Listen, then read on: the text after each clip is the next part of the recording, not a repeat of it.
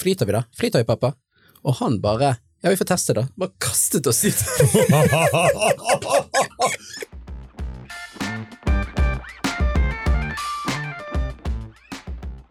Når du er på sosiale medier, så føler du at du er i kontakt. Du føler at du er, eh, du er kobla opp. Men det som skjer, er at du kobler jo fra de du er sammen med.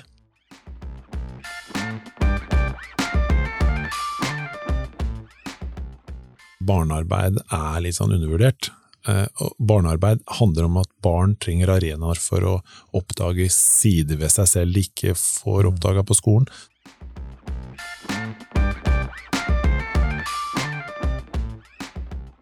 Det, det å ha det litt vanskelig, det at ting er litt utfordrende, det å stå i det med barna gjennom litt tøffe ting i, i livet, det kan være det viktigste barna lærer.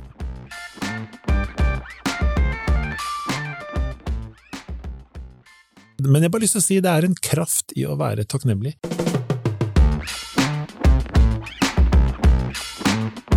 Du hører Mannspodden jakten på mannsidentitet.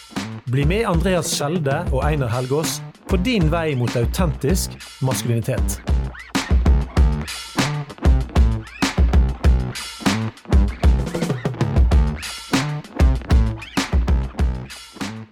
La verden få merke vekten av den du er. Dette sier John Eldridge. Velkommen til Mannsboden, jakten på mannsidentitet. Du hører Andreas Skjelde, og jeg er alltid sammen med min gode kamerat og mannsguide Einar Helgaas. Halla igjen. Det er godt å ha en tjommi. Tjommi, jeg nå prøvde på kamerat. Ja, det er veldig fint. Det er fint. Jeg prøvde å ta oss tilbake igjen Ja. til Nei, nei. Yes, Einar, men da har vi fått en respons. Ja, la oss få høre. Ja, jeg har fått en respons fra en mann som er 32 år. Han er litt eldre enn meg, så det er bra. Men han sier at han hører på Mannsbåten hver gang han tar bussen inn til byen, og det er ofte fire til fem ganger. Og han sier at han har fått et nytt syn på maskulinitet. Så det, det er fantastisk. Så bra, da. Men hver dag da, eh, lager vi nok episoder til mannen, eller hvordan er dette? Ja, altså det er jo over 50 episoder nå. Det er 51, så Ja, det er jo ja. Jeg har hørt om en som hørte episoder syv ganger, uh, for å lære de. Tallet syv har jeg veldig sans for, det er et veldig fint tall. Men, men det, det var for at man skulle mate de inn for at de skulle sitte i kroppen. Så det kan man jo gjøre hvis man vil det. Yes, Nei, men da har jo vi med oss uh, Børge. Og Børge, for de nye lytterne kan du bare presentere deg sjøl. Jeg er eh, familieterapeut, bor i Ål i Hallingdal på et småbruk. Jobber eh, som en foreldreveileder i barnevernstjenesten. Har 13 år bak meg som familieterapeut i familievernet. Har jobba ti år i ungdomsskolen. Oi. Ja, med gutter, stort sett, som ikke finner helt plassen sin. De der som lærerne helst skulle ønske ikke var i klasserommet, men utenfor. Oi, oi, oi, de trengte deg. Ja, de det har, sånn. vet du hva, de har lært utrolig mye av. Ja. Oi, oi, oi. Jeg lager en egen episode bare for disse gutta her. Men ellers er jeg far til tre jenter, da. Jeg er veldig stolt av, i 20-åra. Det her var reklame, du, Mannspodden, da burde jeg liksom reklamere litt. Ja, nei, det kan jeg jo ikke. Nei. Nei, vi bruker ikke, vi bruker ikke det. Nei, Jeg kan ikke begynne med det. Da blir de, da blir de skikkelig flau. Nei, det går ikke. Jeg skjønner jo det. Uff, hva er det jeg tenker på? Ja, ja, ja! Yes. Ja, jeg veit. Uff. Du, Det er bra, det er flott, det er viktig. Og... Altså, vi liker The Backestar. Ja. The Backestars. And we. We are uh, liking each other. So it's, great. it's all right. It's all hvordan å right. legge ut bilder på liksom, Facebook. Ja, det, vi fikser det. det gjør vi. Yes. Men da går vi inn mot eh, den faste spalten vår, eh, dagens tips. Ja, vil du begynne da, eller?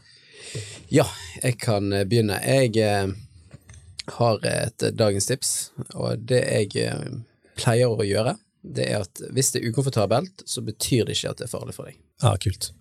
Veldig, veldig med på den. Ikke bare trekk deg ut. Nei, og bare for å gi et bilde, da, det er jo, nå har vi snakket en del om oppdragelse, da. Eh, Men når jeg var fem år, så var det sånn at vi fikk sånne redningsvester fra Ikea. Jeg vet ikke om dere husker de der knall... Jeg tror det var gule, eller hva det var, da. Tror ikke det? Eh, og så sto vi nede på bryggen, vi var ute i Øygarden, og så min far han tok på oss redningsvesten, og så spurte vi sånn kan, Flyter vi da? Flyter vi, pappa? Og han bare Ja, vi får teste, da. Bare kastet oss ut.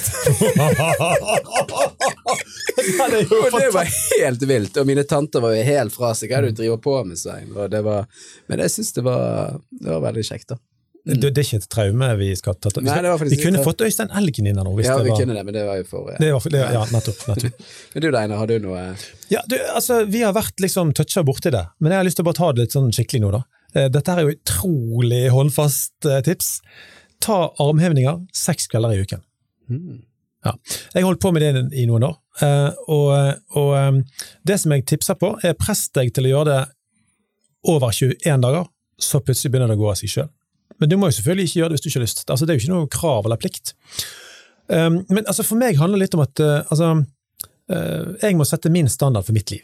Ikke sant? Mm. Uh, og hvis jeg er fornøyd med den standarden, så syns jeg at jeg skal følge den. Ikke sant? Altså, Enhver mann må, på en måte tenke altså, hvilken mann vil jeg være? Og akkurat nå snakker vi om det fysiske, og, og det pleier menn synes det, det kan vi snakke om. Um, så, så, så tenker jeg, hvis du er en lytter som tenker det tipset har jeg lyst til å teste ut, hvis du klarer det over 21 dager og er fornøyd, send oss eh, en melding på uh, post alfakrøllmannsbåten.no. Det er gøy å høre om vi, vi beveger oss på dette. Poenget er jo også at dette gir eh, mestringsfølelse, det gir selvtillit, eh, og, og eh, jeg har rett og slett ikke lyst til å hoppe over det faktum at styrke er noe av det som gjennom verdenshistorien har kjennetegnet menn. Hvis du tenker betydningen av mannens kraft i Ukraina akkurat nå, for eksempel, så altså det har vært fred i Vesten såpass lenge at, vi, at da, da, da mister vi kontakten med disse tingene, og minnet om at man, menn trengte å være sterke, for menn, de fleste menn sitter jo bak en PC hele dagen, sant? og så jogger du kanskje litt og litt og forskjellig. Eh, Men, men eh, altså, jeg har ikke lyst til å glemme det. Det er noe som gir oss en, kanskje en litt sånn eh, verdighet for oss sjøl. Men hvis du hører deres kommentar på dette, ikke minst fra, fra deg, Børge For jeg, jeg, vil ikke, jeg vil ikke at lytterne føler at nå må de gjøre det, for det må de på ingen måte gjøre. Det er et tips. Ja, jeg, jeg tenker at min, eh, altså min historie som mann, altså fra gutt til mann, har jo bestått av å måle krefter. Som en av fire gutter, Ja, så må jeg si at eh, det å liksom eh, kjenne på kraft og, og Mannskraften! Yes, og jeg eh, må jo si at jeg eh, husker faktisk den perioden jeg tenkte liksom pappaen min var den sterkeste i hele verden, og liksom behovet for å ha en helt, og også kjenne, altså jeg tenker hvis du klarer å, å trene og nå mål, så blir menn, de kjenner at de blir fornøyd, ja. og den en fornøyd mann, han gjør mye bra, tror jeg. Så jeg tror du er på Det eneste jeg fikk et sånn indre bilde av, at eh, mens du tar armhevninger, så Nå har jo du eldre barn, men altså, så kommer den der femåringen og setter seg oppå. Ja. Mens pappa tar armhevningene, så er tenker jeg liksom, da kan vi få en sånn fin kombo. Sant? At pappa ikke går og gjemmer seg, men han tar liksom armhevninger, og så er det litt lek og gøy samtidig som han eh, trimmer litt. Da, da, er jeg liksom, da er jeg litt mer med, da. Det er veldig positivt. Men når jeg gjorde dette, så var det mer mine tenåringer som begynte å Ja. stå på meg og tukle med meg. Ja, nei, det, Jeg vet ikke om jeg var så happy for det. Det ble aldri slåsskamp ut av det. da. Det hadde jeg bare tapt allikevel, for guttene mine er altfor sterke. Men, men eh, de tar mye mer armhevninger enn faren sin, så Sånn er det. Sånn er Det det går bra. Du, eh, Vi svinser videre til Bergensspalten. Du gjorde det ganske greit der sist, Børge. Altså, sånn, eh, ok, så, så um, Helt fissen. Hva betyr det? Jeg har lyst til å si eh, pass, men eh, det er jo feigt ikke Ja, Det er kjempefeigt. Du må si noe. Helt fissen. Helt fissen! ah, Feiging. Nei. Jeg ble helt fissen av den lange joggeturen. Utslått. Sliten. Ja, du er helt død, liksom. Altså, du, er kroppslig helt, helt dødt, sier de faktisk. da. Så. Men uh, du fikk det beste kiket. Kik. Hva er det? Jeg er for lite i Bergen. Ja, du, men du har jo sagt at du skal reise litt eh, mer til Bergen nå. Det kan hjelpe. Men Andreas, du vet hva et kik er? Kik. Jeg, jeg, jeg begynner liksom å stille litt usikker, men kanskje kjæreste. Ja, kjæreste. Ja. Helt riktig. Kjæreste. Fantastisk. Helt nydelig. Du, da, eh, vår gode venn her, Børge, du er klar for eh, fem fra hofta. Ok. Hva er det morsomste du har opplevd innen familieterapi? Oi. Du har jo vært i eh, utrolig mange hjem, og eh, i eh, 12-13 år var det vel. Eh, Du må jo ha opplevd Jo. noe som rett og slett var helt ustyrlig morsomt. Ja. Uh, ja. Jeg har opplevd mye som har vært pinlig. Eh, Jeg skal, jeg skal, fortelle, det mest pinlige er at jeg nesten sovna. Altså, det, det, er, det er sånn Jeg liksom redda meg med å liksom, Nå må jeg gå på do, liksom. Eh, Jeg var døds, sant? Jeg hadde små barn og kom trøtt på jobb. Også.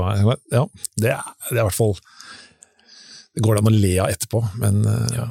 men ellers Jeg hadde jeg, morsomt, jeg, jeg har lyst til å dele en Det kom en til meg nå som jeg hadde samtale med for over ti år siden.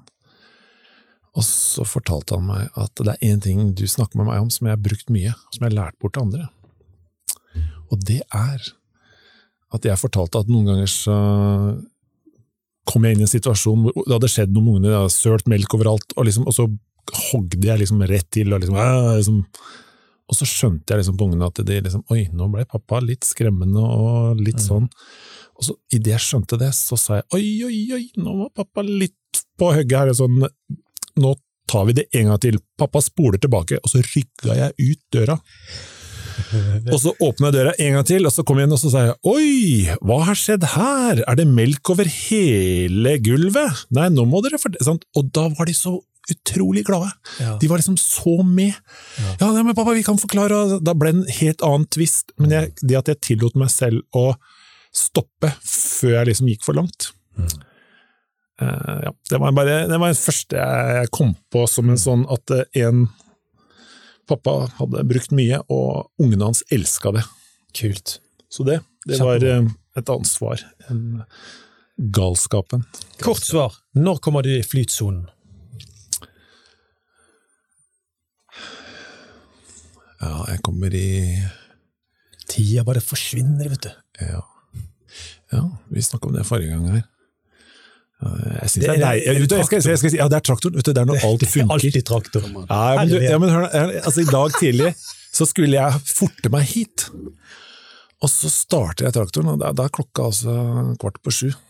Og jeg skal plukke opp kona som er ferdig på jobb klokka åtte. Jeg er litt seint ute. Med traktor. Ja, nei. Ikke med traktor. Men det er, altså, for den som er vokst opp på gård, så vet jeg at det, det er, eh, du må ikke sette fra deg snøfres med våt stø. For det fryser fast, Oi, og da går ikke disse alt rundt som det skal. Og da er det en sånn mekanisme at istedenfor å kjøre i stykker både traktor og andre ting, så har du noe som heter brytepinne. Den kraftoverføringsakselen. Den, istedenfor at alt går ad dundas, så er det en sånn bolt som knekker. Ja. Så da, start, da måtte jeg bare puste med magen, og bare liksom tenke ja, det går bra. Jeg, jeg har det ikke travelt, vi skal ikke rekke noen ting før seint på kvelden, så Men da fikk jeg en liten sånn eh, metafor, da. At i relasjoner, i parforhold, i vennskap, så er det godt å ha en liten sånn brytepinne. Som får deg liksom til å sånn, Før du setter til sånn skikkelig trøkk, før du fyrer deg helt opp, før du liksom blir helt tatt av et eller annet, så er det et eller annet som butter, noe har fryst seg fast. Da er det bedre at en sånn liten brytepinne som koster bare fire kroner, Oi. ryker, og så kan du fikse det som er gærent. Det måtte jo jeg, jeg måtte krype ned og slå løs og få dette av is og bort, og når det var, alt liksom var klart, da satte jeg på plass brytepinnen, starta kraft, og da funka alt. Hæ. Så Veldig bra. den var, den syns jeg var gratis i dag. Eh, Ikke sant? Ikke sant? Du, eh, igjen, det, dette det skal være sånn korte svar. da. Ja. Hvordan syns du det er å være mann, egentlig? Unnskyld at jeg sa at det skulle Jeg har aldri ønska noe annet enn å være mann. Kom an. Det er jo helt nydelig, da. Ja. Du har bare kunnet fylle, fylle det med det som du er. Ja, jeg, I og med at jeg er familieterapeut og vært litt sånn eh, Ja eh, Stått på, så er det noen som har syntes jeg har vært litt sånn Det har til og med blitt kalt tøffel. Oi, Ja, jeg må si det. det er av jobben? Ja, andre i familien er liksom Børge, du må ja. ikke bli sånn tøffel. Jeg De liker deg bedre Ja, ja, traktoren, for å si det sånn. Ja, det er en del som hører på Mannspodden, tenker, har nok sikkert tenkt det om noen. Ja, men det, det satt litt. Altså, jeg, jeg tror det genererte etter hvert en sånn behov for å begynne å ja, ta jegerprøven og Ja. komme meg ut litt mer med mannfolka og jakte. Ja. Men, men det har du ikke gjort bare for eh, ditt gode navn og rykte, det har du gjort fordi du ville det? Ja. Ja, men da sier vi at det var bra. Du, eh, på hvilket område syns du ditt ekteskap er best?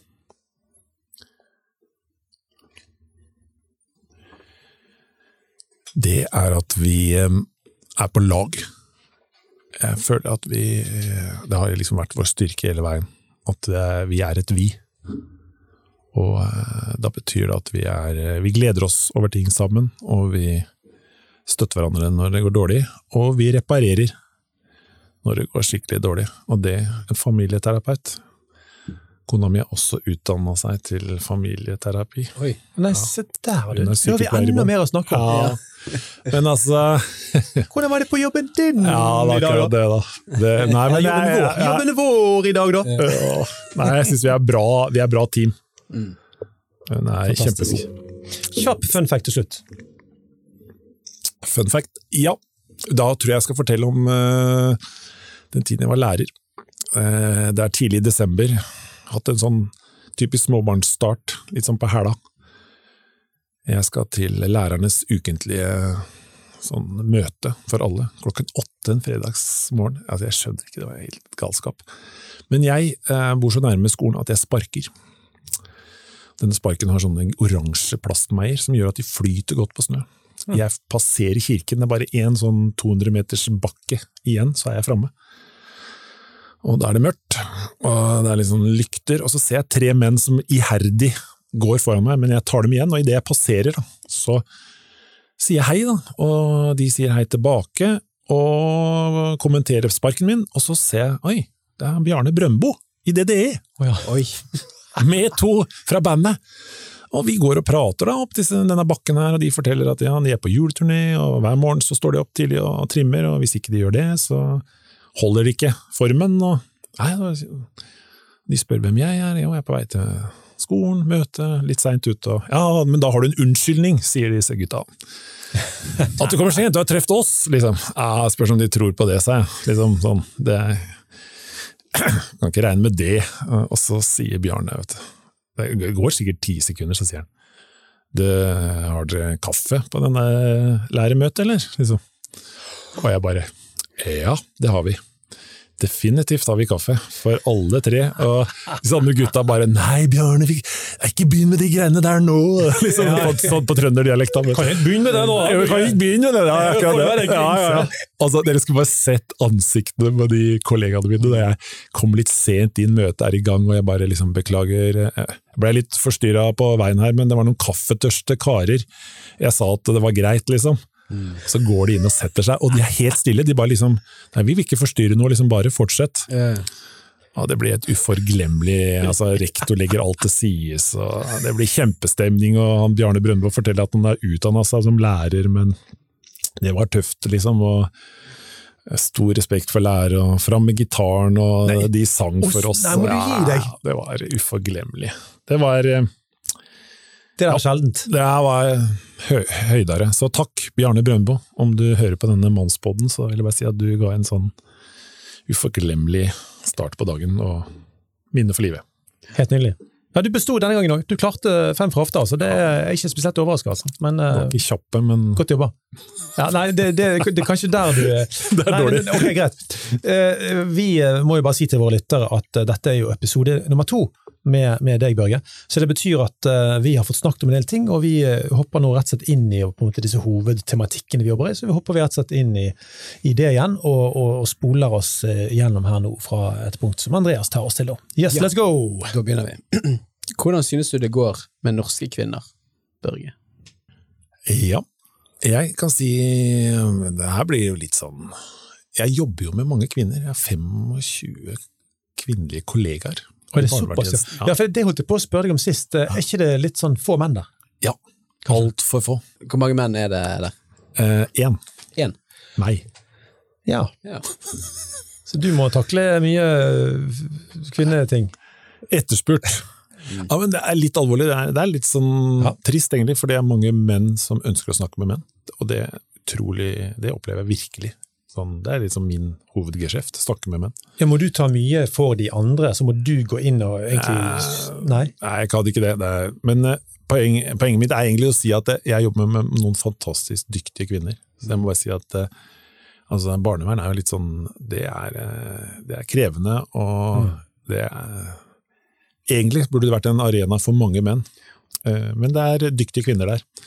Så jeg vil si at jeg får i hvert fall se eh, daglig mange fantastisk eh, flotte damer og kvinner som jobber for ikke knapper og glansbilder, men det er i hvert fall ikke på toppen av inntektstoppen.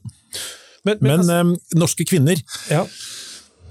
eh, Utviklingen Jeg er bekymrer meg veldig, jeg har lyst til å løfte fram en ting. Mobiltelefon.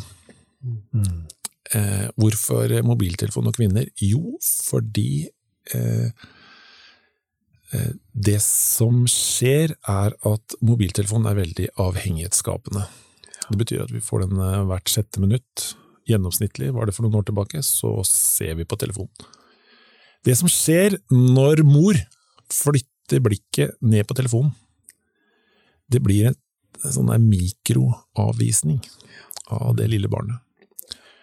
Og forskning tyder på at det er mer skadelig enn sånn, sånn, sånn type avvisning, som er sånn stor avvisning, sant. En, ja, to uker på sykehus uten mor, liksom.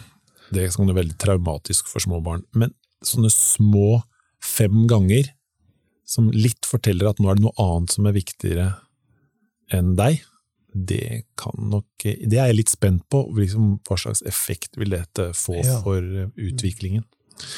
Og det gjelder like mye menn da, som kvinner, men jeg tror kvinner Jeg, syns det er veldig mye scrolling, og disse unge jentene i dag, jeg, de, jeg tror de, de går inn i angst hvis noen tar fra dem Eller må legge fra seg mobilen. Så det, bekymrer meg. Vi så jo, det var jo et TV-program der eh, en hel folkehøyskole nede på Østlandet et sted, eh, de hadde sånn ett døgn eller noe sånt uten mobiltelefon.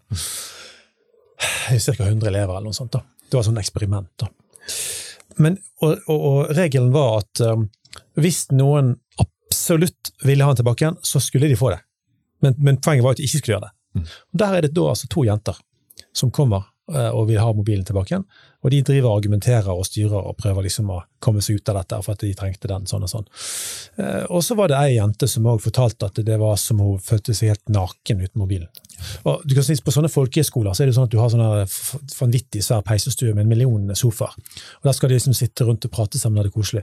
Så Hun fortalte jo det at hvis hun satt i en sånn sofa og ikke hadde mobil, eller det tror jeg egentlig hun aldri gjorde, hun hadde alltid mobilen. Hvis den ikke var der, da var hun rett og slett utrygg. Eh, og det er jo et uttrykk for noe av det som du er inne på her, at du, du, hvis den blir rett og slett, holdt jeg på å si, eh, ikke sjefen i livet ditt, men den blir rett og slett et sånt sentreringspunkt som du ikke kan leve uten. Ja. Jeg er jo foreldreveileder, og jeg møter jo en, noen barn som blir veldig mye regulert. Altså, hvis noe er vanskelig, sant, eh, så skal de egentlig få hjelp med å dele følelser. Du skal få hjelp å være i følelsen og Ja. Uh, gjenkjenne den, anerkjenne den, Uh, liksom få trening på dette. Mens uh, mobiltelefoner og iPader eh, blir brukt av mange til å liksom ta bort, altså avlede. Man regulerer rett og slett barna sånn følelsesmessig med bruk av eh, mobil og skjerm. Og det også har jeg vært eh, måtte jobbe en del med en del familier, så norske kvinner som eh, må være bevisste, og menn må være veldig bevisste i forhold til dette. Så Men jeg må spørre deg, altså, kan en av grunnene til at kvinner eh, altså nå, Ut fra det som du sier, så høres det ut som det kan være et, en større utfordring for kvinner.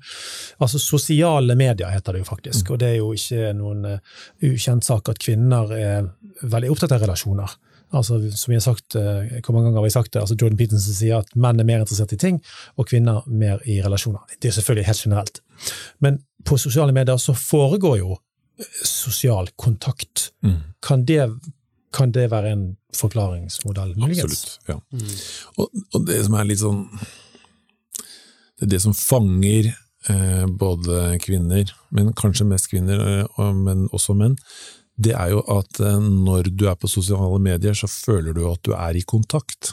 Du føler at du er eh, Du er kobla opp. Men det som skjer, er at du kobler jo fra de du er sammen med. Altså, sant? du, du er egentlig ikke til stede her og nå. Så det er en, slags merkelig sånn illusjon at jeg, jeg blir stressa hvis ikke jeg føler at jeg er del av noe eller kobla på, og det er denne, denne store sosiale medievirkeligheten. Men så blir de kjempedårlige på å koble opp Sånn. Det er jo, du blir jo lurt. Ja. Det er det det blir. Jeg må fortelle om en, en gang jeg var på en fjelltopp alene, eh, helt til det kom en mor og et barn opp. Eh, Kiden var vel kanskje 12-13 år eller sånt. Og det som skjedde da, de prøvde ikke å skjule noe for meg av en eller annen grunn, men, men da skulle moren ta et bilde der oppe, og så, ungen syntes ikke det var noe kjekt, så det ut som. Han likte ikke så godt å ta det bildet. Og så ble det en sånn voldsom diskusjon om hvem som skulle se det, og hvem det skulle postes til og sånn. Og mora sto der og var offensiv og frampå, og var tydelig at det var viktig for mora at nå må noen få vite at vi er her på denne fine fjellturen. Men ungene var ikke med på noe av det. Og det var, helt, det var ikke noe match mellom det moren var så opptatt av, og det barnet ville. Så, så det, man skal være litt forsiktig her altså, med hvordan man bruker dette. Litt referanse til det vi snakka om i forrige episode. At det, når barn føler at det, jeg er et eller annet eh, prosjekt for sant? Mamma skal vise fram noe, eh, og jeg er bare noe som skal vise meg. Hun er ikke til stede, hun er ikke sammen med meg. Og det tenker jeg, det har vi alle en utfordring, inkludert meg selv. Jeg skal ikke løfte meg opp på en høy hest, jeg må også ta, ta tak og koblet meg på. Ja, men da, nå har vi gått innom hvordan går det med den norske mannen, og hvordan går det med den norske kvinnen. Og hvordan går det med de norske parforholdene? Jo, det er dessverre sånn at eh, skilsmissene de eh, blir ikke mindre av. Og eh, sånn som det ser ut nå, da, så er jo statistikken den at hvis du tar alle sånne inngåtte ekteskap i ett år, mm, tar det opp mot antall samlivsbrudd, altså skilsmisser, så er det 50% Og det gjelder altså Ja, da er det 50 halvparten. skilsmisse. Ja, men det det er egentlig litt sånn statistisk, en liten sånn feilinformasjon der, fordi at når du skal regne korrekt, så skal du bruke kohorter. Og dette lærte jeg når jeg tok min familieterapiutdanning og lærte å bli mekler, nemlig at da betyr det at eh, Einar, når er det du gifta deg? 97. Ja, alle som inngikk ekteskap i 1997, følger de. Mm.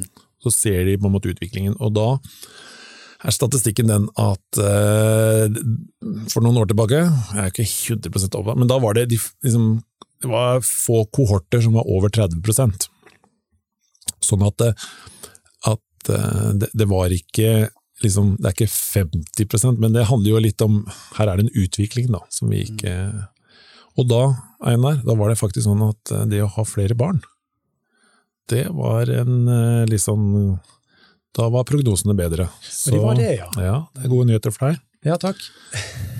Og Andreas, da veit du hvor lista ligger. Ja, ja, det Hvis du, hvis du er så heldig å få komme i gang, så er det, det er ikke noe å bremse da. Da må du tenke Det. Det er bare lett inspirasjon, Andreas. Det er ikke, noe sånn, det er ikke tungt på labben. Ikke noe press. altså. Det er ikke noe prosjekt. Nei, ikke. Du har ikke noe prosjekt.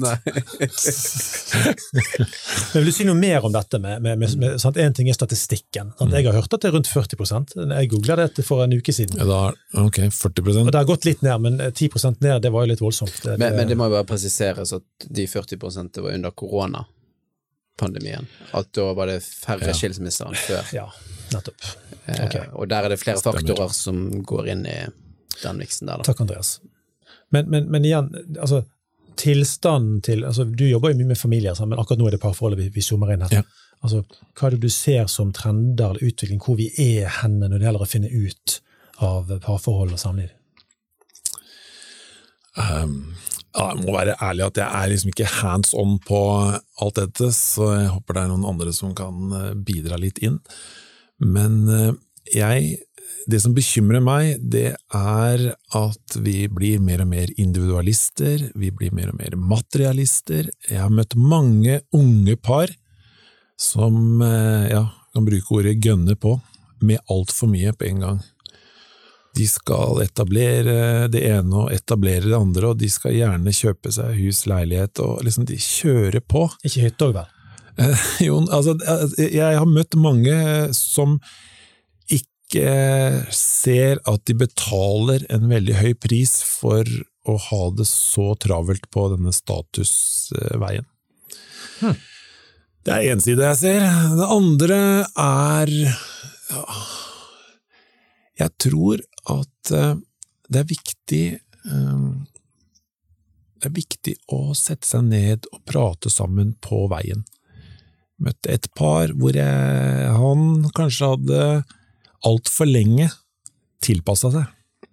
Vært en, kanskje en sånn litt moderne, snill mann. Kameleon? Ja, men det er litt sånn, eh, da er det det man går for da, er hvis kona mi har det bra og er glad, så blir jeg glad, så blir barna glad, og så blir det liksom sånn styrende. Jeg passer på at hun er glad og fornøyd, og så går den litt på kompromiss med at men dette er ikke kan ikke liksom eh, passe på at hun skal ha det bra på denne måten, for det er egentlig hun som må jobbe med seg selv. Ja, nå tok jeg liksom et type eksempel, men da er det viktig å ta det opp før det blir for seint, for det er det som ikke er bra. Det er når du har gått for langt, og da skal ta tak.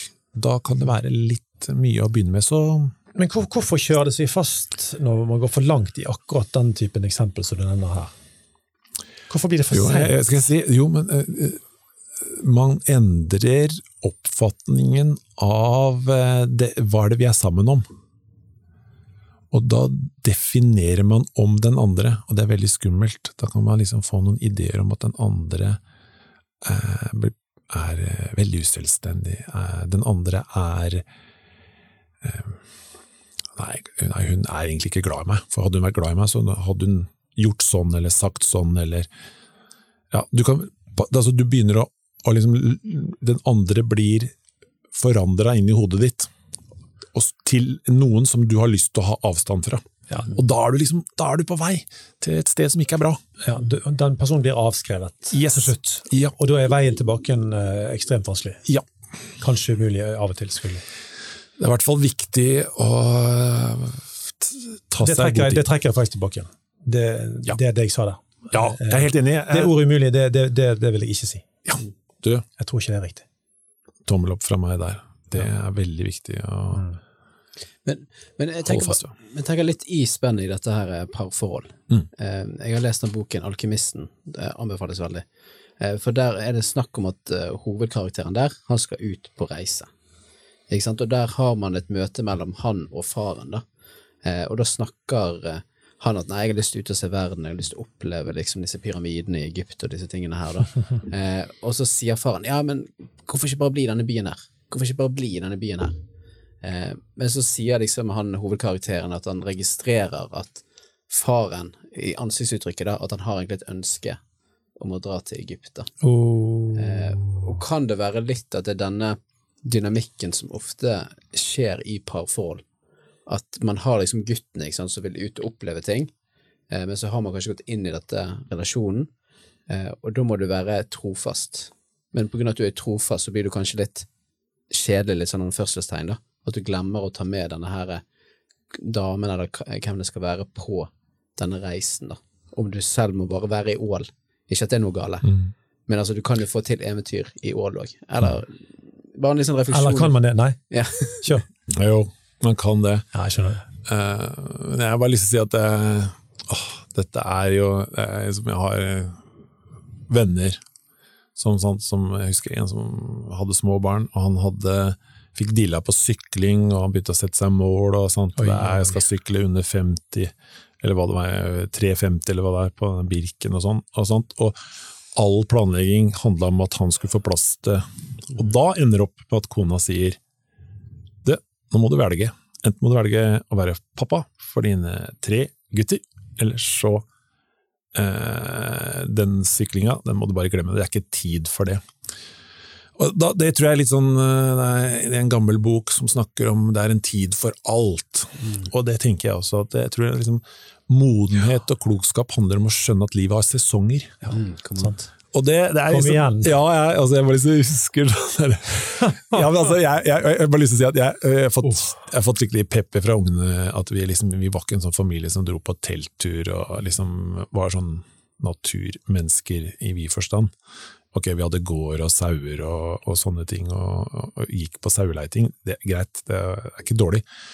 Men eh, i- både i Oslo, Røa, så husker jeg at eh, det, vi grilla pølser i peisen. Når, når liksom Altså, vi skulle grille, Og da tenkte jeg liksom, akkurat der og da, med sånn tre, fire, femåringer, eh, så var det en fantastisk opplevelse å fyre opp i peisen. God stemning, kaka på bordet, og spikke pinner og sitte der med pølser inn i peisen inne. Eh, så, så jeg bare lyst til å si at det, ja, det altså, Der gjelder det å liksom tørre å utforske litt sånn eh, Så denne alkymisten, sant? han har jo eh, på slutten av boka der, så er det noe med at liksom Hvor var gullet? Gullet var veldig nærme! Han trengte ikke å dra dit, men det er et eller annet når han hadde reist det var der de endte, altså. Ja, ja. Så det, jeg har lyst til å si at det, det er kanskje det der å oppdage at gullet er rett under nesa di, men du må kanskje gjøre din egen twist. Du må gjøre, ta, ditt, eh, ja, ta litt sånn eierskap til hva, hvordan det her ser ut. Men Da har jeg lyst til å hive inn eh, filmen Revolutionary Road med Leonardo DiCaprio og Kate Winslet. Mm. en utrolig sterk film. altså Det er jo Hollywood, men, eh, men det som skjer der, er litt annerledes enn det dere beskriver her nå. Det er jo det at han eh, gikk inn i trygge jobber. Eh, Jeg lurer på om det var litt sånn i arv fra faren. og sånt. Um, og levde et litt sånn Det ble litt sånn kjedelig, men hun hadde en sånn veldig drøm om at de skulle til et med Frankrike. Da. Og det var enormt viktig for henne. Men han leverte ikke på det i det hele tatt. Altså, han tok ting veldig ned. Han hadde jo elskerinne på jobben og, og, og tok ut eventyrbiten der uh, istedenfor å reise til Frankrike. De skulle få sitt andre barn, var det det, og så tar hun, eh, tar hun uh, aborterer sjøl. Eh, og hun, eh, hun, eh, hun saboterer jo hele, hele opplegget. Hun har sex med en, en nær kamerat av familien i en bil, liksom. Eh, Sånn at en mann som da velger å bare kjøre helt det trygge, og ikke gå for eventyr, der var det altså en kone som ikke takla det. Så det, her finnes det jo mange varianter, tenker jeg, av hvordan man skal, skal ja, altså Man må liksom lytte seg inn til sin partner, og hva er det som er Hvem er vi sammen, da? Der, her kan jeg relatere. Jeg, jeg, jeg, altså, jeg var litt den uh, fyren da, som uh, Altså, jeg, jeg dro på eventyr. Altså, jeg dro ut og smugla bibler og litt sånn på egen hånd, og Hongkong og Kina. Steike! Ja, ja, ja. Det er Litt sånn syke ting. Ja, ja. Syke ting. Og sånn interrail, vet du. Det var jo en greie på 80-tallet. Sånn med en kompis i hele Europa. Det var mye sånn eventyr. Men når jeg kom inn i sånn familierollen, så slo det inn en litt sånn annen greie. Og det, det var liksom nei, det forsørge, ikke sant. Så jobbe. Jobbe kom veldig så, så når vi skulle ha ferie, da gikk rullegardina fullstendig ned for meg. Fordi jeg har vokst opp med at eh, når vi har ferie, det var tid for å jobbe. Så jeg har sett denne gata bli tømt for uh, unger og, som drar på ferie, mens vi er igjen og, og reiser opp på gården og, og jobber. Uh, Så derfor, min kone, hun var nemlig sånn som vi må jo oppleve ting. Vi må ut, så hun var liksom motoren på det. Uh, og takk og lov for det, sier jeg, for det, der måtte jeg rett og slett trene meg litt. Men du ble med, altså? Jeg ble med, men hun, men hun lurte på hva er feil med deg, sant? Ja, ok. Eh, og det, det var helt riktig. Eh, men når jeg først kom meg av gårde, så var jeg veldig fornøyd. Da var jeg skikkelig med og hadde det gøy og var eventyrlysten som bare det. Men jeg hadde en eller annen sånn idé om at eh, Nei, nei, det Ja, jeg måtte ha litt uh, drahjelp. Så Nå tenker jeg, for Einar og Børge, dere to har jo begge vært eh, gift over lengre tid. Har dere noen sånn tips liksom, hvordan man kan innbake kanskje da i en parrelasjon, eller kanskje eventuelt familie, denne eventyr blandet med det trofaste? Har dere noe sånn? Ja, altså, jeg er eventyrer, eh, så jeg eh, kan snakke resten av denne episoden om eh, alle mulige ting som har skjedd, altså. Nå, klart, guttene mine er jo eldst, og vi har gjort eh, ganske mye forskjellig, da. Men det, det går jo mye på friluftsliv, lange fjellturer og, og telt, og jeg har jo hatt pappatur i telt med alle ungene mine, sant? som jeg har nevnt det før òg. Og, og på nye fjelltopper hele tiden, og ta de med ut og og dyrke liksom far-barn-relasjonen. Hatt stor glede av det. Eh, Men særlig med guttene, da, gjort de råeste tingene eh, med de. Eh, Ikke snakk om fjellklatring, altså, men eh, lange turer med båt eh, med seil, og i Nordfjord der som vi har eh, hus og, og sånt. Og så med min kone, vi, eh, vi har jo i veldig mange år hatt kjærestehelg hvert semester. Um, og det har vi hatt siden ungene var ganske små. Uh, og uh, ja, jeg, det, jeg tror ikke det er Vi har lagt ganske mye i den potten, da. Altså, jeg ser ganske mange som ikke har gjort det. Um, for når vi hadde da fire barn, så brukte vi på fredagen når vi skulle ha en sånn helg, så brukte vi ca. to timer på å kjøre rundt og levere de. Kanskje fire forskjellige steder, altså. Og da er det alt du skal ha med og pakke med den bamsen og dynen der og hytt og pine. Og, men vi brukte de to timene fordi vi tenkte at vi skal vedlikeholde vår kjærlighet selv om vi har barn. Sant?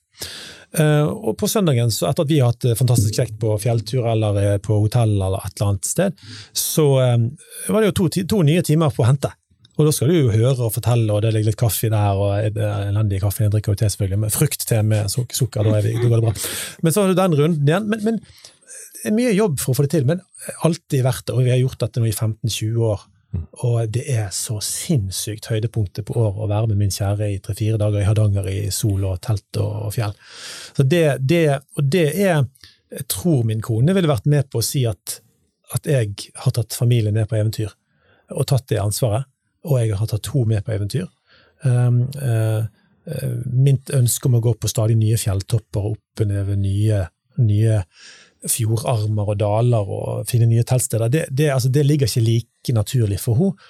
Men, men, fordi man modelleres sammen, så har jo det blitt en greie nå at vi turnerer rundt og har dekt etter hvert mesteparten av Hardanger, holdt jeg på å si, og, eh, og, og, um, og, det knytter oss veldig sammen, altså. Så eh, ja, jeg tror jeg stopper der. Børge? ja. Altså, det, ja, vi har reist sammen, kona mi og jeg. Jeg tenker vi fikk det til når barna var små. Altså, tur til London, tur til Stockholm, aleine. Men jeg får lyst til å ta en, en, som jeg husker veldig godt. Det var da vi bodde i Oslo, barna var små, hadde ikke nettverk, eh, besteforeldre langt unna. Og da eh, var det noe som vi gjorde som, jeg, som, var helt gull, og det var at vi hadde noen venner som sa vet du hva, vi bytter leilighet. Så tok de med seg, de hadde én vi hadde to da, tror jeg. Flytta inn i vår leilighet sant? og sa nå tar vi et døgn her, så tar dere og låner leiligheten vår på Kampen. Og vet du hva, jeg, altså, det har brent seg fast. Det er altså, bare litt sånn kjærestetid. Jeg, altså, vi spiste god mat, vi ingen avbrudd, og vi prata sammen, og vi la oss tidlig. For er det én ting som gjelder når du har små barn, det er liksom så øverst på prioriteringslista For å ha lang sex, tenkte du bare? Ja. Nei, vet du over lang, lang sex Du mente begge deler! Jeg mente. Sove ut. Avbrutt søvn. Altså, det går småbarnsforeldre på ja, på de blir gal. Ja, gal. Det, var, det, det, var, det var en sånn Jeg husker jeg gikk ut og kjøpte avis og ferskt brød, og vi liksom hadde det bare så kjekt. Og ja, og vet du hva, det er klart at uh, å ikke bli liksom avbrutt uh, rundt sånn, hvert andre minutt, det er jo medisin for uh, gode kjærlighetsopplevelser. Men da var det akkurat som ett døgn. Da var det litt sånn at vi begynte å savne ungene. Det var liksom, ja. ja, nå blir det godt å få dem tilbake. Så det der var bare en sånn god påminning nå, tror jeg, til dere som har, har det litt sånn. Bytt leilighet, bytt hus, og så ja, klart når du, når du, har en sånn helg sammen som par, så, så det er et eller annet med det der å få lytte, lytte ferdig og, og, gå på en fjelltur der du kanskje er stille en periode, sant? og så plutselig så kommer det en idé man snakker om, og plutselig så Altså, du, du får liksom så mange Du går gjennom så mange typer du, du, kan jo sitte på en kafé døgn i strekk, men det, de færreste gjør jo det. Altså, du, du trenger litt dynamikk, sant? Ja. Eh, og både meg og min kone er introverte. Det er ikke naturlig å bare mase høl i hodet på hverandre hele tiden. Men at du har sånn, sånn frihet til å gå inn og ut av ulike typer modus. der vi Plutselig snakker vi om ungene, eller kanskje én av ungene. eller Gjennom en helg har vi kanskje snakket om alle ungene. Sant? Men det er ikke sånn at oi, nå har vi et familiemøte på en halvtime, nå må vi snakke om alle tingene. For det er alltid spredd ut, og så blir det god mat, og så svømmer vi i Hardangerfjorden når solen går ned. og så er det, mm. altså sant? Du får masse av disse vekslingene. det tror jeg, For oss har det i hvert fall vært veldig smøring av forholdet. Hei, her, var, her er det mange gode tips. Jeg håper dere som lytter, bare noterer eh, for harde livet. ja, men det er viktig, det. Viktig å notere, da husker du det.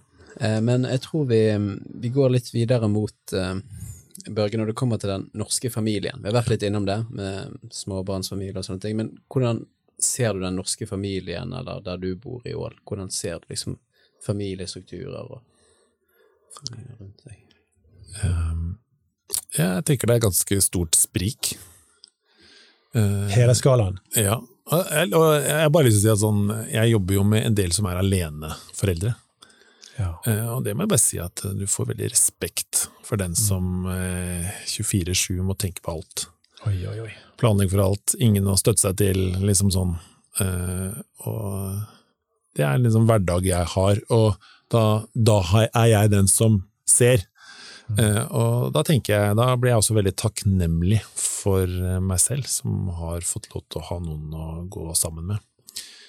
Og det har jeg bare lyst til å si også, at liksom, jeg tror sånn der, en sånn der gull da, som alkymisten kanskje hadde funnet, det er dette med takknemlighet.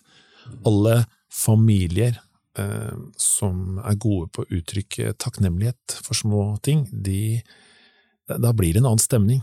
Og det er bare lyst til å si, norske familien eh, jobba med en mor som hadde en gutt som hadde liksom revet ned i klasserommet, åtteåring.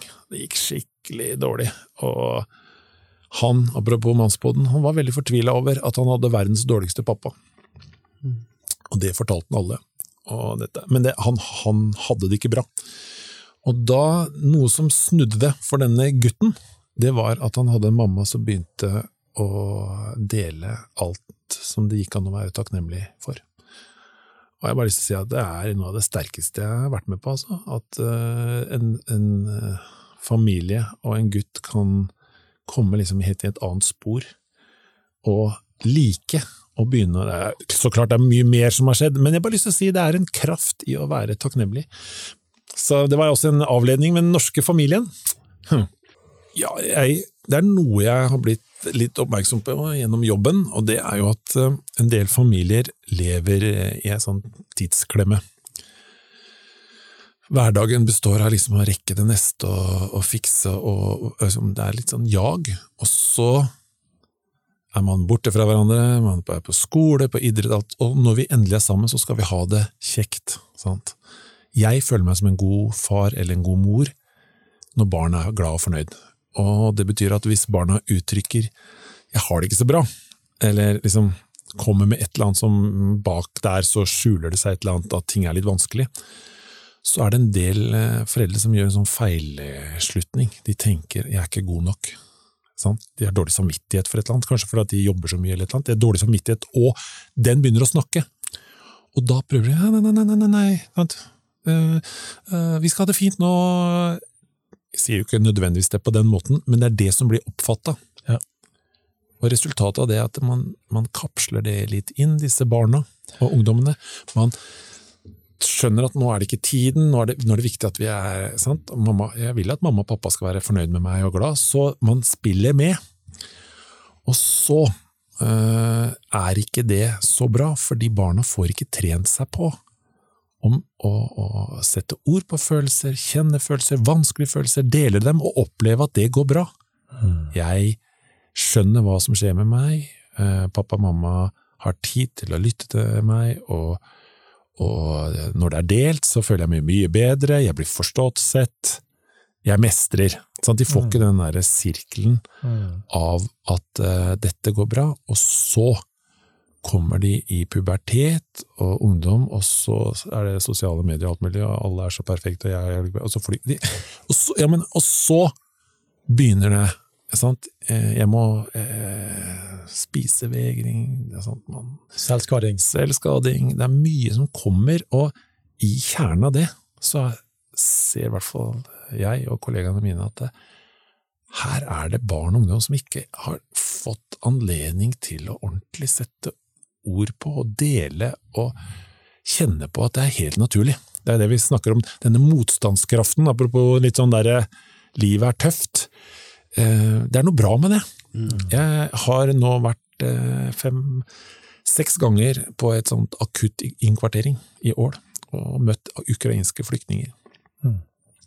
Snakka med foreldrene om barnevernet, ja, de er redd for barnevernet. Men vi har snakka mye om krig, traumer og barna, og de sier barna våre de kommer hit til Norge, og de er ikke opptatt liksom, av materielle ting. De skjønner, altså de er, de er rømt fra alt. Eh, og da, da ble jeg liksom minnet om det at det å ha det litt vanskelig, det at ting er litt utfordrende, det å stå i det med barna, gjennom litt tøffe ting i, i livet, det kan være det viktigste barna lærer. For eksempel at ting er litt vanskelig på skolen, og sant, det har skjedd noe. Da, vi går ikke inn og fikser det, vi går sammen med ungene, og ny liten sånn advarsel til noen, særlig eh, mødre som har opplevd mobbing for eksempel, og utestengelse, de har liksom antennen helt ute, og så tar de og ringer rundt til foreldregruppa og sier at nå har den vært slem mot min, mitt barn. Og så er det kanskje ikke akkurat det som har skjedd, eller det blir i hvert fall ikke bedre av å ringe rundt og gjøre det. Altså, man må ha en helt annen, man må ha med seg barna i liksom det å løse dette. Sant? Man må tenke at du trener opp barna, for det kan bli litt sånn motsatt. Og det har jeg erfart mange ganger. at ja, Nå tar jeg det her litt sånn kortversjon, da. Men jeg har bare lyst til å si eh, barna våre de trenger å, at vi er sammen med dem. Forstår dem, uh, uttrykker at åh, det er ikke lett, men uh, vi må ikke ta over og fikse. Vi skal bare være sammen med dem. Men det som skjer når du, La oss si at du har en sånn kosestund da, midt Ja. i den vanvittige tidsklemma. Så, Oi, nå skal vi kose oss i denne ene lille timen med brownies og Ja. is, og Ja. så skal vi sitte og kose oss. Um, hvis ungene opplever at de må lukke ned Mm. de faktiske følelsene de har under, da så kan det jo hende at de lukker de ned ellers òg. Tror ikke du det? Eller er det sånn at da er de så åpne på rommet med mor på kvelden eller far på kvelden, mens altså, altså Jeg bare tenker at uh, barn er jo ikke alltid så altså Man er jo, prøver å bli kalibrert som menneske, og det tar tid. sant? Og det å skjønne at jo, jo, men vi snakker ikke om de dårlige følelsene akkurat på familiekoststund, men ellers kan du gjøre det. Er er ikke det lett for dem at de kan, kanskje lukker seg litt generelt? Jo. Og- Og min erfaring er at mange barn, liksom, når de begynner å snakke, så er det ikke når vi bestemmer eller at vi spør dem og sånn. Det, det kommer fordi det assosierer altså, sånn Typisk barn er at liksom, man slår seg litt, og så kommer det en voldsom gråt. og så er Det liksom, det var så godt å kjenne at nå var noe trist, og så fant jeg ut at eh, jeg har noe mer som egentlig er trist. og så at Man får tak i noe som har ligget der. Så jeg tror det er litt den der, det å fange det øyeblikket, det er eh, nydelig.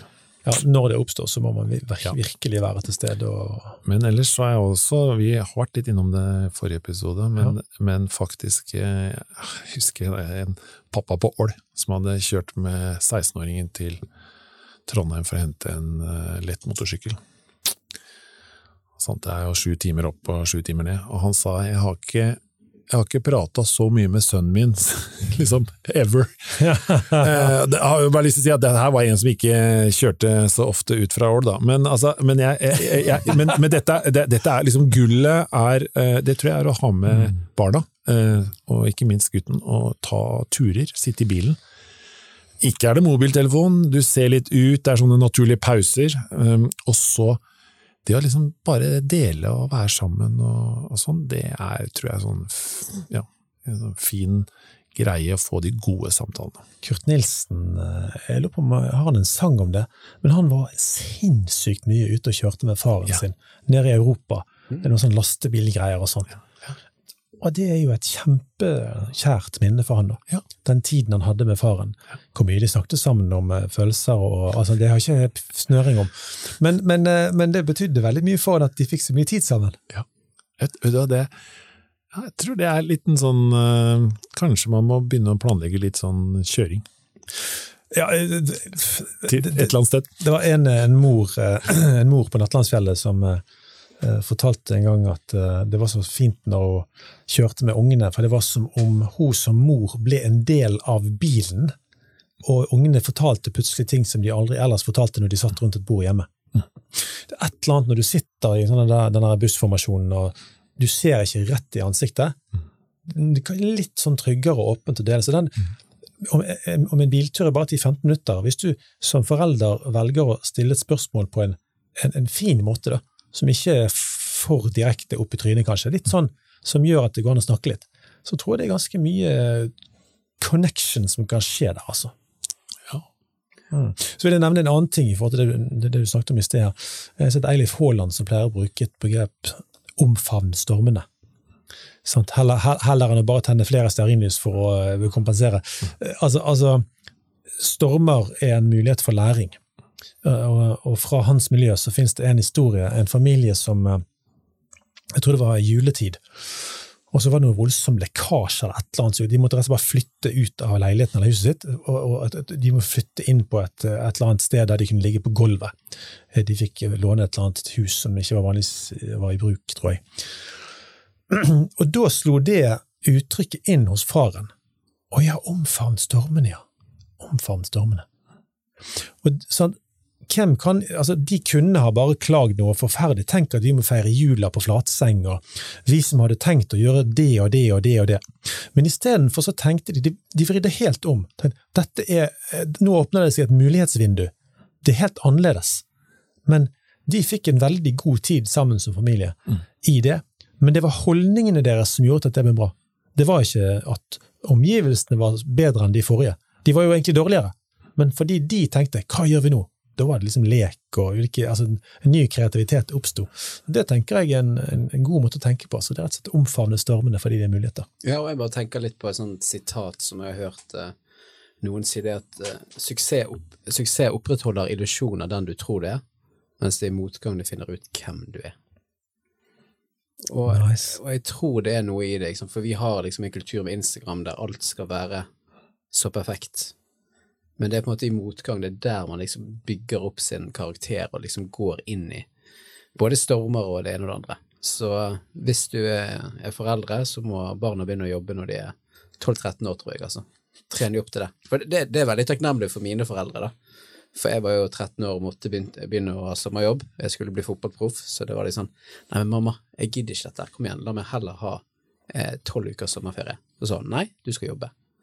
Kult. Og det Jeg tror det bare innarbeider noe i både barn og Ja, når man blir voksen òg, da. Ser du det at eh, når barn lærer seg å jobbe, at det, de tar det med videre og, som et sånn byggende element? Altså når du kommer du, altså Fra bygda der, så er jo ikke det akkurat det så uvanlig, men jeg vet jeg, tror, jeg, jeg vil tro det er færre eh, norske ungdommer og barn som jobber på gårder nå enn før. Det stemmer. Eh, Jeg er et dårlig eksempel sjøl. Jeg skjønner jo at jeg har jo ikke lært opp disse jentene mine til å kjøre traktor engang, før nå. Så jeg er bare svikta totalt. Men jeg tar det på Det, kontoen det, for det er eh, solomannen som står og ja, det er altfor mye sånne helger og skikjøring alt mulig, så, og lekser og alt mulig, så det var liksom jeg, Nei, det var skuffende. Men jeg er faktisk sånn at jeg sier barnearbeid er litt sånn undervurdert. Eh, Barnearbeid handler om at barn trenger arenaer for å oppdage sider ved seg selv de ikke får oppdaga på skolen. Skolen er blitt utrolig akademisk. Bare, Trist. ja. Det er jo jentene som scorer høyt, guttene taper. Vi har, vi har et skikkelig problem der, og derfor, derfor er liksom jobbing eh, Det er eh, Jeg tror vi Og hva handler det om? Det handler om arbeidsglede, det handler om stolthet og å tjene sine egne penger. Ja. Handler om å høre til fellesskapet. Lære seg forvaltning. Ja, det begynner når ungene er små. La de være med å lage mat. La de være med på alt. Da blir det arbeidsglede. Da smitter det. Ikke vi- gjør alt for ungene. Det er en kjempeblemme. Ja. Nei, jeg har jo hatt det som en holdning for ungene mine hele veien. Sant? Jeg tror vi tar det i en annen episode egentlig om arbeid og sånt, men, eh, men eh, ungene mine har helt, hele, opp gjennom hele oppveksten lært seg å jobbe ut fra, på, på forskjellige nivåer. Sant? Altså, alt må være tilpasset. Du kan aldri kjøre på for, for tungt på en seksåring. Sant? Du begynner på, på et lett nivå, sant? og så er du plutselig 13, og så kan du virkelig virkelig dra seg på. Så det tror jeg er veldig viktig. Du, Vi, vi er ikke så langt unna slutten, her, men eh, vi tar en, en siste dreining her fra en litt annen vinkel inn i dette med familier, eh, Børge. Den seksuelle revolusjonen den har jo ført til en ganske massiv oppløsning av eh, familier. Dette begynte jo å spinne av gårde på 70-tallet, når du var ung og kjekk. Eh, ganske så ung, faktisk. Eh, vi lever under et slags paradigme i dag om at altså, altså, fri sex i forhold til trofasthet mot én person, det står i et slags spenn da, eh, hele veien. Og det å få familien til å holde sammen med en sånn ideologi eh, rundt omkring altså, Det er jo ikke alle som gir sin tilslutning til den. altså Folk har jo sine meninger i dette landet. Men, men, men hvordan ser du at på en måte, eh, hele denne her strømningen etter det som skjedde på slutten av 60-tallet, hvordan preger det norske familier i, på godt og vondt? Um, min erfaring fra familievernkontoret er at jeg, jeg blir skikkelig skikkelig lei meg. Fordi, fordi det er et stort preg, for det er, det man er litt sånn schizofren.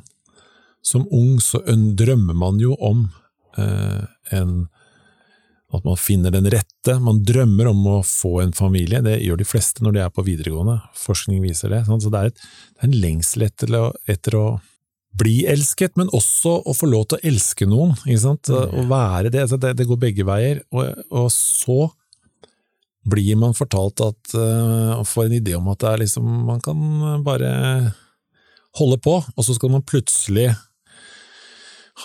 gå fra så lyst til Ja, man har så mange seksualpartnere, og så plutselig skal man liksom Plutselig skal det miraklet skje man uh, sant? Mens jeg, jeg, jeg, jeg er av den oppfatning at jeg, tror at det der må det være veldig sunt å våge å utfordre og se på ja. på nytt. og jeg jeg vet ikke, jeg går og drømmer litt om at det skal komme en ny generasjon som tør å si at eh, kongen Kongens nye klær Altså, det er ikke Han er naken, altså. Jeg, jeg, jeg drømmer om en ny generasjon som tør å si er, er, dette her er ikke det vi vil ha.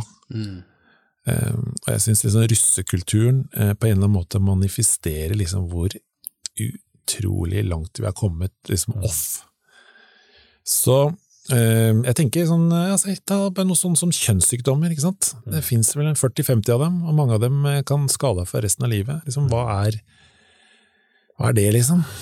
Og, ja, og dette med å Jeg tror mange føler at de blir sammenligna med tidligere partnere, seksualpartnere.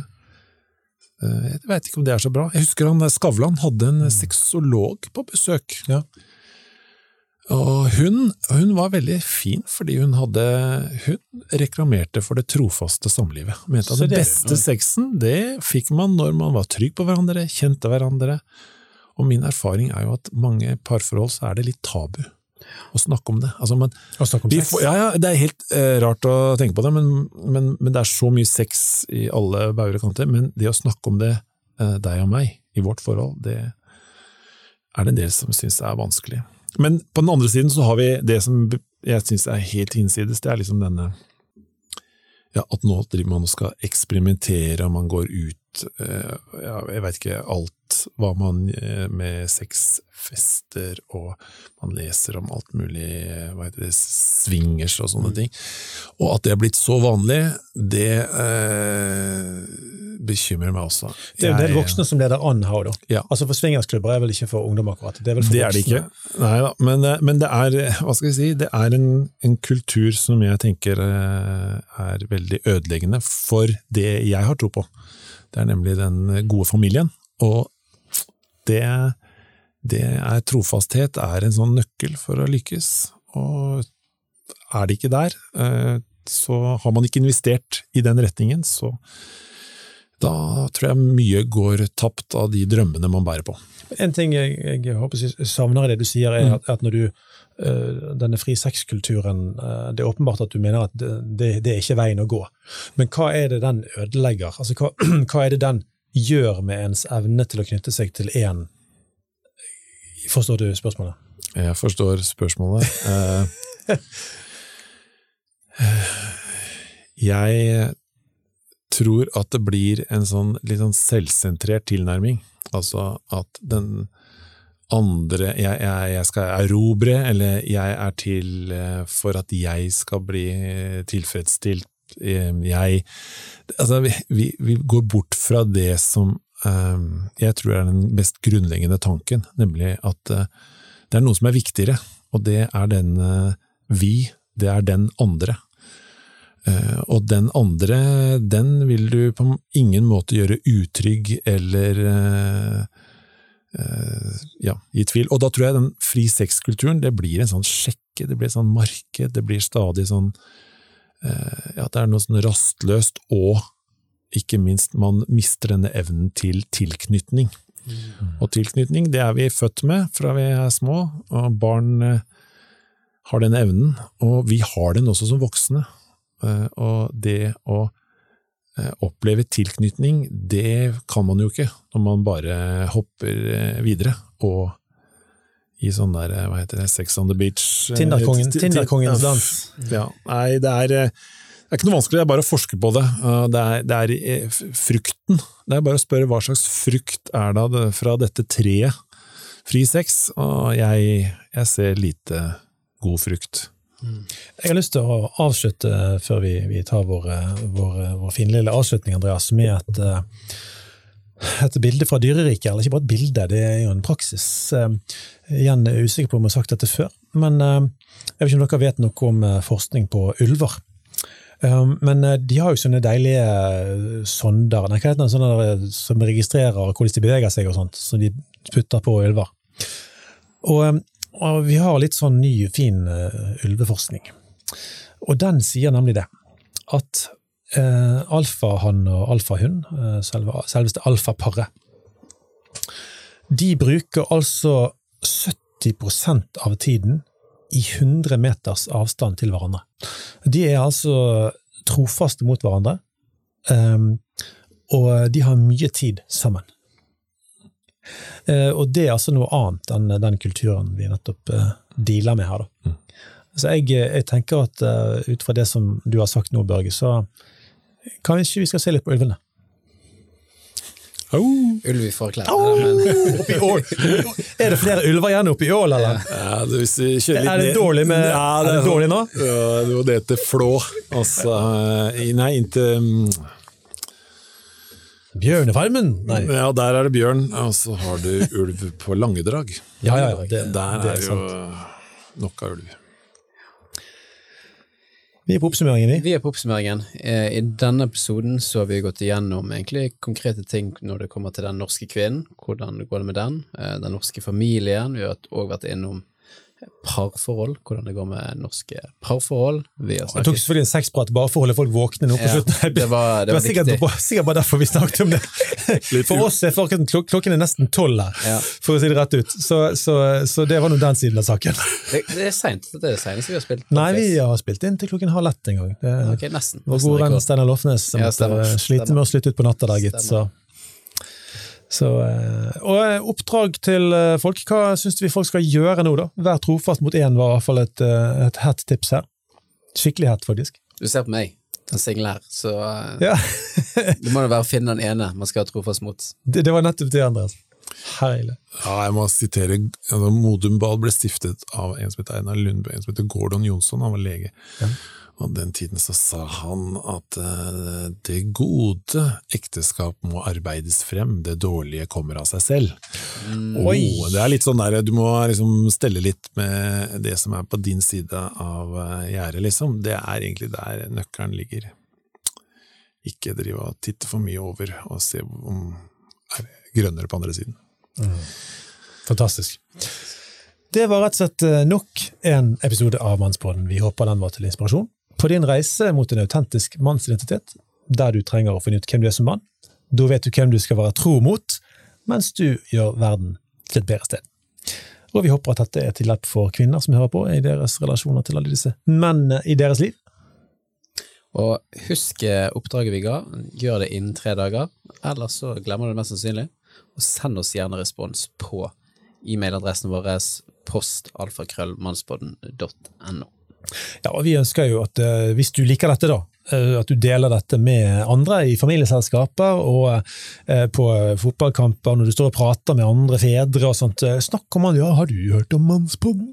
Snakk litt sammen om den. Det er mange temaer som vi tror kan være godt å snakke om, så støtt oss veldig gjerne der. Så bli gjerne med i Facebook-gruppen vår, den heter Mannspodden. Selvfølgelig. Selvfølgelig etter Mannspodden, og der kan du følge det indre livet til podkasten vår, og følge oss gjerne på Instagram. Hvis du har gjort det, tusen takk, men om ikke, skriv gjerne noen reviews og gi oss noen stjerner på Apple Podcaster og Spotify, så vi får spredd denne til enda flere.